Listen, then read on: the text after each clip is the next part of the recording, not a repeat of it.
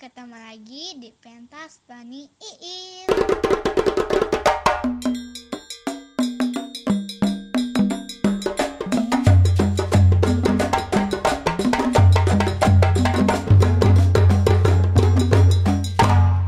Assalamualaikum warahmatullahi wabarakatuh. Waalaikumsalam warahmatullahi wabarakatuh. Selamat datang di Pentas, PNS Cerita Integritas episode ke-9.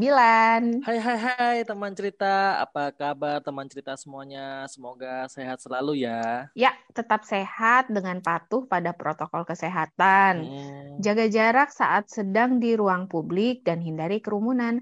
Jaga juga kebersihan tubuh dan lingkungan. Ya. Makan sehat dan olahraga teratur. Jika ada gejala kurang sehat, teman-teman segera periksa ke dokter ya. betul sekali. Selain kesehatan, kita juga harus selalu mengutamakan keselamatan.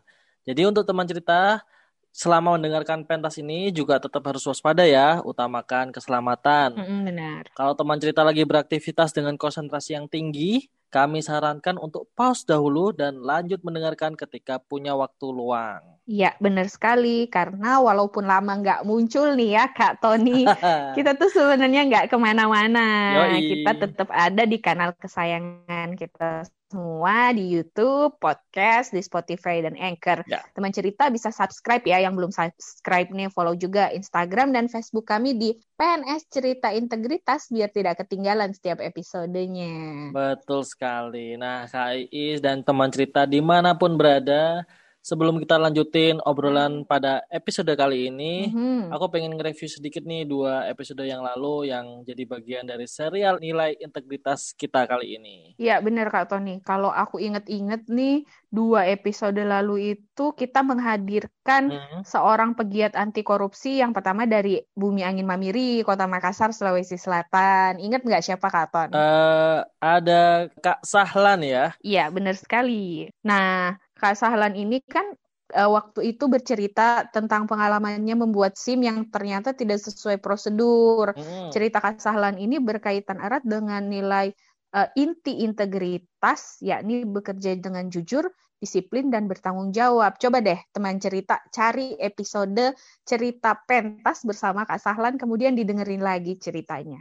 Nah, setelah setelah Kak Sahlan ada seorang advokat yang juga pegiat anti korupsi dari Pulau Sumatera. Nah, siapa yuk? Nah iya aku ingat Hmm. namanya Kak Bobson. Betul. Jadi Kak Bobson ini kan waktu itu bercerita Heeh. eh, tentang pelayanan publik kepada orang-orang yang status sosialnya tuh beda, Kak Oke. Tony.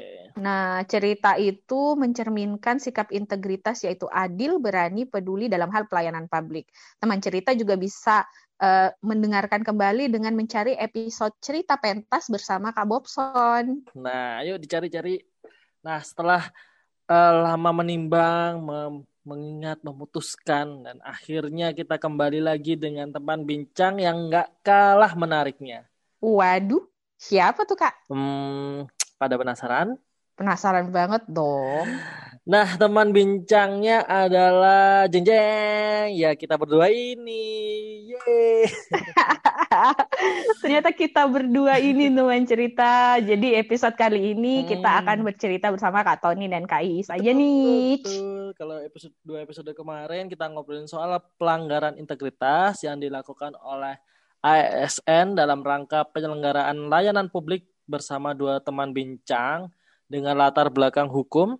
Kali ini tepat rasanya jika kita menuntaskan seri integritas dengan bercermin kepada nilai kerja keras, mandiri, dan sederhana yang dekat dengan kita. Hmm, oke kalau gitu Kak Tony. Kita mulai dengan kerja keras dan kemandirian nih ya. Hmm. Aku langsung ngetek nih buat nanyain Kak Tony. Menurut Kak Tony, gimana sih Kak Tony eh, aktualisasi nilai kerja keras dan kemandirian dalam keseharian Kak Tony nih? Kalau menurut saya, kalau dalam kehidupan sehari-hari di kantor, kerja keras dan mandiri itu erat kaitannya dengan kita ketika ada amanah atau penugasan.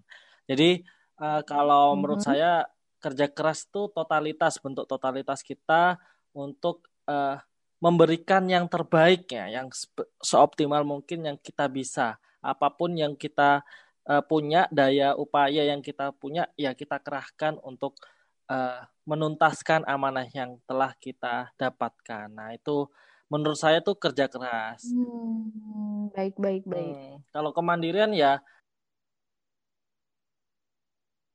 kita bekerja dengan diamanahkan kepada kita tugas dan hanya kita yang mengerjakan atau berkelompok uh, tentukan kalau memang tugasnya harus diselesaikan oleh kita maka kita perlu untuk mengerjakan sendiri kalau memang uh, memungkinkan untuk bertanya, silahkan untuk bertanya. Tetap untuk menyelesaikan tugasnya itu saya pribadi yang mengerjakan gitu. Hmm, bertanyanya bukan bertanyanya tuh bukan berarti minta diselesaikan sama orang lain gitu ya, iya. Kak Tony ya, tapi untuk mendapatkan petunjuknya aja ini iya. caranya gimana sih? Tapi uh, akuntabilitasnya tetap ada di kita gitu ya. Betul. Jadi misalkan uh, teman kita tuh pernah ngerjakan sesuatu suatu tugas yang sama dengan tugas yang kita terima. Nah, kita tuh nggak sekonyong-konyong untuk menyerahkan tugas. Eh, tolong dong kerjakan ini kan kemarin kamu pernah ngerjainnya hal sama. kamu kan gitu. kan pernah, kamu aja yang ngerjain gitu ya. Nah, padahal eh, atasan misalkan atau pimpinan atau eh, yang memberikan tugas itu kan sudah percaya kepada kita tuh. Jadi, jadi kepercayaan dari eh, yang memberikan penugasan ya harus kita tuntaskan gitu. Jadi ya sekedar untuk bertanya eh, oh kemarin seperti apa yang uh, kamu kerjakan dari dari hasil diskusi dengan teman nah akhirnya saya bawa untuk mengerjakan tugas saya sendiri begitu kak Iis hmm, jadi itu ya wujud hmm. kerja keras dan kemandirian yang sehari-hari uh, diaktualisasikan oleh kak Tony dan kayaknya nggak cuman Kak Tony ini ini uh, bisa banget diterapkan sama semua teman cerita ya Betul. yang di lingkungan pekerjaannya. Jadi kan nggak spesifik tadi yang disebut, diceritakan Kak Tony itu nggak spesifik untuk tugas-tugas tertentu, tapi Bener. semua hal, semua kegiatan baik di kantor, di sekolah maupun di rumah juga bisa diterapkan nih Bener. seperti resepnya Kak Tony tadi.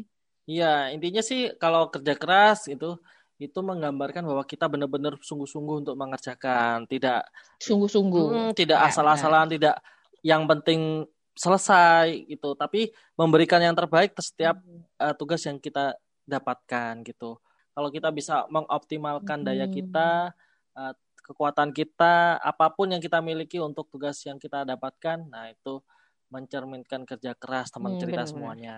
Siap deh, Kak Tony. Hmm? Uh, sadar nggak sih kalau kerja keras dan kemandirian ini lekat banget sama salah satu nilai Kementerian Keuangan yaitu profesionalisme. Oh, iya benar. Jadi hmm. aku tuh ya kalau dengar kata profesional itu langsung tergambarnya ke pegawai-pegawai Kementerian Keuangan khususnya nih yang sangat pekerja keras dan sangat mandiri dalam melakukan tugasnya Kak Wah, Tony. Gimana kalau Kak Iis menggambarkan profesionalisme dalam dalam wujud kerja keras dan kemandirian terutama eh, ASN-ASN di Kementerian Keuangan ya Kak Iis bilang tadi. Mm-hmm.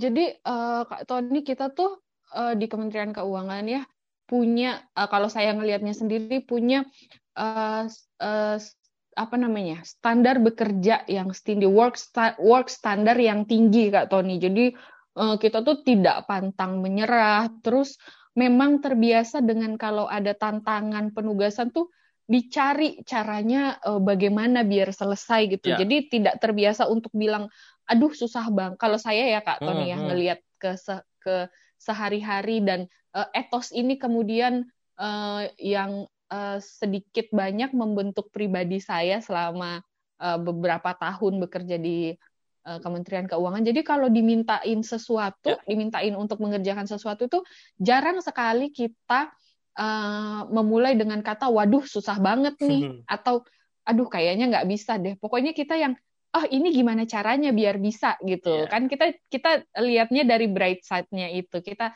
carinya uh, oh bisa Pak, kami cari caranya yang paling efisien. Nah, itu tuh uh, kerja keras gitu kan. Hmm. Jadi uh, tidak melulu uh, tidak pantang menyerah hmm. seperti itu Kak Tony. Kemudian kemandiriannya ya walaupun kita dituntut untuk bersinergi, saling bersinergi, hmm. kerjasama, tapi bukan berarti kita saling melimpahkan pekerjaan. Betul, betul, kita betul. tuh tetap profesional, kita tahu yang mana yang menjadi bagian kita dan berusaha sungguh-sungguh uh, untuk menyelesaikannya sesuai porsi kita. Kemudian uh, barulah setelah itu semua selesai kita kolaborasikan bersama sehingga bisa menjadi suatu uh, hasil penugasan yang baik. Seperti itu sih Kak Tony kalau yang sehari-hari sangat terasa di lingkungan pekerjaannya uh, KIIS ini dan uh, sedikit banyak karena itu uh, selalu ya Kak Tony selalu setiap hari dan selama bertahun-tahun konsisten untuk dilakukan itu tuh membentuk etos Wah. gitu. Etos di dalam diri kita. Itulah yang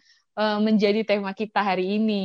Etos kerja gitu ya? Iya benar sekali. Benar jadi uh, kalau dari Kak Is tadi berarti setiap penugasan pasti bisa pasti ada jalannya gitu ya. Dan upaya untuk mm. meraih jalannya itu yang Kak Is katakan adalah kerja keras bentuk profesionalisme Iya.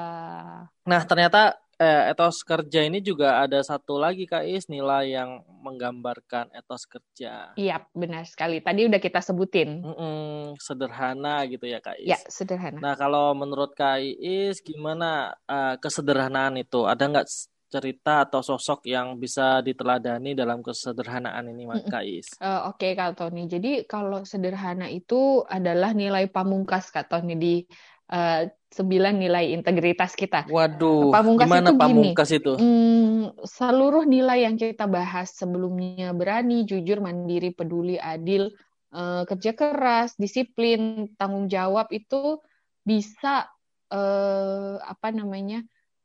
Membuat mem menghantarkan kita menjadi uh, seseorang yang berhasil, seseorang yang uh, potensial untuk sukses gitu ya. Hmm, nah, hmm. apabila seluruh uh, nilai itu tidak dibarengi dengan sikap kesederhanaan, maka kita akan menjadi orang yang congkak seperti itu kata nih aku ya. mikirnya. Yeah. Jadi uh, kita udah sukses, udah uh, bisa, udah berani orangnya, udah pekerja keras, udah mandiri. Tapi kalau kita tidak sederhana, tidak membumi itu uh, kita jatuhnya sombong-sombong juga. Nah, okay. sombong itu dekat dengan uh, potensi perilaku yang koruptif seperti itu Kak Tony. Bener. Nah, jadi uh, sederhana ini walaupun orang uh, mungkin menyepelekannya tapi sebenarnya dia penting untuk mengimbangi semua seluruh nilai yang ada gitu agar kita uh, tetap menjadi orang yang berintegritas seperti itu. Nah, kalau ditanya sosok uh, banyak nih Kak Tony hmm. orang-orang sukses, petinggi-petinggi yang uh, sikapnya tuh tetap sederhana. Contohnya yang kita bisa baca di Orange Juice for Integrity di situ ada Sri Sultan Hamengkubuwono ke-9 hmm. Kak Tony. Kita tahu kan dia itu dalam tanda kutip bisa dibilang rajanya Pulau Jawa gitu kan. Betul betul betul. Nah, tapi ada suatu cerita dia waktu itu ditilang karena melanggar forbidden ya, jadi melanggar jalur dan dia tuh uh, udah terima gitu, terima ya uh, ini emang saya uh, ini kesalahan saya gitu tidak congkak. Saya kan pemimpin ngaku masa salah, ya? mm, ngaku salah. Jadi dia selain berani juga dia sederhana gitu. Ada kan yang e, iya saya salah tapi kan saya uh, bos mm -hmm. gitu. jadi kamu nggak mau dong. Iya iya dia berani tapi dia mm -hmm. tidak sederhana dalam sikapnya gitu. Nah karena ini diimbangi dengan kesederhanaan jadi dia yang iya saya uh, saya uh, salah dan saya menerima kesalahan itu. Nggak apa-apa ditilang aja. Kemudian pada suatu ketika dia juga apa namanya membantu seorang embok-embok gitu mengantarkan dia pulang ke rumah uh-huh. sosok yang sangat bersahaja ya padahal seorang raja mau uh, numpangin emboknya kemudian disupirin sendiri sampai ke rumahnya dan it, embok itu nggak tahu gitu loh uh-huh. kalau dia itu adalah uh, Sri Sultan Hamengkubuwono gitu jadi uh, sosok itu sangat bersahaja kak Tony kemudian ada wakil presiden pertama kita Muhammad Hatta uh. yang kita tahu sendiri bahwa uh, ada mimpi dia punya mimpi beli sepatu Belly yang uh, sampai akhir hayatnya tidak terbeli sama dia karena uang tabungannya tidak pernah cukup. Padahal kalau kita mau bilang ya, dia kan wakil presiden ya, masa iya dia nggak apa namanya dia nggak bisa beli sepatu gitu, sepa, perkara sepatu doang gitu kan. Tapi karena dia kesederhanaannya, kemudian dia mungkin uh, memprioritaskan ya memang itu bukan sesuatu yang penting gitu. Jadinya Uh, seperti itu akhirnya tidak terbeli. Saking sederhananya dia loh Kak Tony tergambar dari walaupun yeah. dia sosok pemimpin tapi dia tuh merasa sudah cukup dengan apa yang uh, kita punya. Nah, inti mm -hmm. kata sederhana tuh itu bersahaja, betul, betul, merasa betul. secukupnya aja gitu loh. Kita menggunakan secukupnya. Nah, itu tuh menurut aku relevan banget nggak sih Kak Tony di masa-masa pandemi yang sekarang ini yang kita semua berada di titik krisis gitu Kak Tony. Menurut Kak Tony sendiri gimana Kak? Ya, uh, ya memang ya kalau dalam kondisi pandemi gini memang dalam masa yang serba terbatas. Mungkin kalau kita merasa kita memang uh, sudah cukup, tapi banyak yang di, di luar sana juga kesusahan. Jadi alangkah lebih baiknya dalam kondisi yang seperti ini kita menyisihkan uh, sesuatu untuk mereka yang mungkin lagi berjuang di tengah keterbatasan pandemi ini. Kita terbiasa dalam bentuk ketersediaan tidak mewah sehingga misalkan ketika juga kita dalam kondisi punya kemudian kita nanti uh, dalam kondisi yang terbatas gitu tidak ada uh, kaget istilahnya istilahnya apa ya uh, jet lag atau hmm, perbedaan ya, kultur yang benar, sangat uh, jauh hmm. gitu kita sudah mempersiapkan diri gitu. Jadi kesederhanaan ini juga salah satu bentuk kita untuk kesiapsiagaan kita dalam menghadapi masa yang kritis seperti ini. Berbagai kondisi, benar. benar. Tapi sederhana itu nggak berarti pelit kan, Kak Tony? Enggak dong. Kalau sederhana ini bukan berarti hemat-hemat juga. Jadi uh, sederhana itu apa yang memang dibutuhkan gitu ya. Jadi apa yang memang secukupnya gitu ya. Secukupnya saja. Lebih baik dalam masa pandemi ini juga ditabung eh, banyak-banyak bertabung karena kita nggak tahu di masa akan yang data, akan datang ini akan terjadi seperti apa mm-hmm. krisis yang kita akan hadapi itu akan seperti apa kita juga sama-sama tidak tahu seperti iya, itu. Iya benar sih. Kita masuk dalam ini apa VUCA hmm. word, VUCA word. Nah, penting nih nanti kita kayaknya seru nih kalau bahas-bahas VUCA word, fuca, fuca, asik fuca. Oke Kak Ton, lanjut. Oke, jadi kalau dari obrolan kita tadi berarti emang penting ya kita punya etos kerja keras, mandiri dan sederhana. Apalagi kita so sebagai seorang PNS gitu ya, Kak Ais. Nah, Kak Tony, eh, terakhir nih aku mau nanya dong, hmm. harapan kamu Kak Ton, khususnya sebagai ASN nih terkait etos kerja ASN dalam um, melayani masyarakat apa sih? Oke, jadi kalau kita berbicara tentang etos kerja uh, dihubungkan dengan tiga nilai yang tadi kita bahas, uh, untuk melayani masyarakat memang mm-hmm.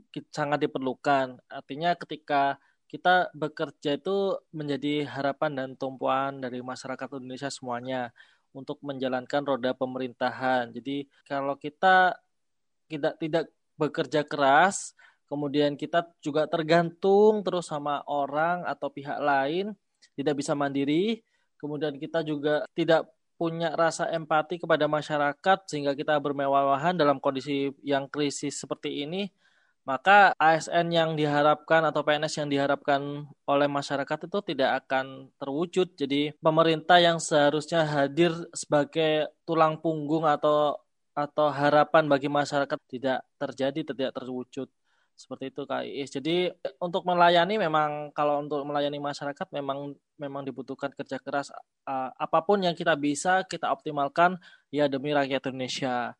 Kita juga harus uh, siap mandiri, siap siap tidak tergantung sama orang lain atau pihak lain, kita bisa kerjakan sendiri dan terus untuk uh, melakukannya dengan penuh kesederhanaan agar apa yang dicita-citakan kita selama ini untuk keluar um, dari masa krisis pandemi hmm, ini bisa cap, cap, terwujud cap. gitu. Aku tuh pengen mencoba um, menarik benang merah nih dari seri integritas pertama, kemudian kedua sampai di seri integritas kita uh, yang terakhir, yang ketiga itu ya. Jadi di seri pertama kita sudah membahas uh, apa namanya kita sudah mencari nilai inti integritas ini dengan bagaimana kita menjadi jujur, disiplin dan bertanggung jawab. Kemudian di seri kedua kita mencoba mengembangkan sikap integritas melalui perilaku adil, berani dan peduli. Nah di seri ketiga ini kita mencoba untuk menumbuhkan etos kerja uh, dalam uh, apa yang kita lakukan sehari-hari itu melalui nilai-nilai kerja keras, mm-hmm. sederhana dan mandiri. Nah, Pak Tony, kerja keras dan mandiri ini merupakan uh, salah satu modal uh, yang kuat yang harus dimiliki um, oleh ASN sebagai benteng utama untuk mencegah ASN dari korupsi. Saya sih melihatnya seperti itu ya Kak Tony. Jadi hmm. ketika orang mempunyai etos kerja keras, kemudian dia adalah seorang pribadi yang mandiri, hmm. dia itu tidak gampang mencari jalan cepat, jalan pintas gitu Kak Tony untuk uh, mendapatkan betul, sesuatu betul, betul. seperti itu. Jadi motif itu adalah uh, salah satu faktor penyebab korupsi. Selain itu ketika kita memiliki uh, etos kerja keras gitu, kita tidak uh, dengan segampangnya memanfaatkan kelemahan sistem yang ada hmm. Kak Tony untuk uh, melakukan perilaku yang koruptif gitu. Jadi um, itu tidak akan menjadi uh, potensi besar justru sikap uh, apa namanya justru etos kerja keras dan kemandirian ini bisa menjadi benteng seorang ASN agar tidak melakukan perilaku koruptif ataupun tindakan korupsi. Nah, sedangkan etos etos kerja sederhana ini juga merupakan benteng karena menghapus faktor greedy. Oke. Okay, Jadi betul, betul. Uh, dia itu membuat seseorang tidak serakah, yeah. which is kalau orang tidak serakah itu uh, akan hilang gitu kemauannya untuk korupsi hmm, seperti itu Kak. Tony. Karena lagi-lagi faktor keserakahan adalah salah satu dari penyebab uh, korupsi ya yang kita tahu. Nah, dengan adanya kesederhanaan itu akan membentengi diri kita selaku ASN agar tidak dekat-dekat dengan uh, perilaku koruptif ataupun tindakan korupsi. Mungkin uh, untuk penutup sesi kita itu Kak Tony benang merah yang bisa saya uh, ambil. Wah, mantap. Berarti memang uh, selain untuk menjaga biar kita bisa melayani masyarakat dengan baik, ternyata mm-hmm. uh, kerja keras, mandi dan sederhana juga benteng kita untuk apa ya biar tidak kita kita terjerumus dalam tindakan koruptif atau tindak pidana korupsi gitu ya kak Is iya benar sekali kak Tony mudah-mudahan ini semua uh, tiga seri ini bisa bermanfaat ya buat uh, teman-teman khususnya ASN nih bisa hmm. dipakai menjadi uh, referensi gitu apabila ingin bekerja oh iya ya kita nggak boleh gini kita harus gini gitu kak Tony nah Kak Is, kita juga mau ngajakin teman cerita untuk sama-sama merefleksikan diri. Apakah kita memang perlu bekerja keras, mandiri, dan tetap menjunjung kesederhanaan dalam etos hmm. kerja kita? Nah, nanti teman cerita bisa sharing ya, ya boleh. di kolom komentar. Baik teman cerita yang ASN maupun yang ya non ASN silakan bebas berkomentar. Ya silakan ya diisi komentarnya. Jadi kita sama-sama diskusi hmm. nih. Emang bener tadi yang Kak Iis bilang seperti itu perlu banget biar kita uh, membentengi diri kita dari korupsi. Emang menurut kalian sama nggak sih sependapat nggak sih dengan hal itu? Betul. Seperti itu nanti di share di kolom komentar hmm. gitu. Nah Kak Ton. Hmm biar pentas ini juga jadi lebih baik, uh. bantu kami juga ya untuk mengisi formulir feedback saran dan masukan ya. dengan ketik link di browser mm -hmm. s titik id garis miring teman cerita. Betul. Linknya juga akan kami taruh di caption. Nah, selain itu, teman cerita juga bisa kontak kami secara langsung ke email at gmail.com atau bisa direct message ke Instagram dan Facebook kami at pnsceritaintegritas atau chat kami ya di 0856 4686 9204. Oke deh, teman cerita, terima kasih ya semuanya. Kita mm. Ya, walaupun ini udah deket-deket akhir tahun, tapi mm-hmm. kita masih ada dua episode spesial Betul. menjelang akhir tahun ini. Mudah-mudahan bisa ya Kak Tony ya. Kita Amin. harus bekerja keras nih untuk mewujudkan dua episode itu. Oke Betul. deh teman cerita, sampai jumpa di episode sampai selanjutnya. Jumpa. Salam cerita integritas. Semangat pagi. Pagi, pagi, pagi. Wassalamualaikum warahmatullahi wabarakatuh. Waalaikumsalam warahmatullahi wabarakatuh.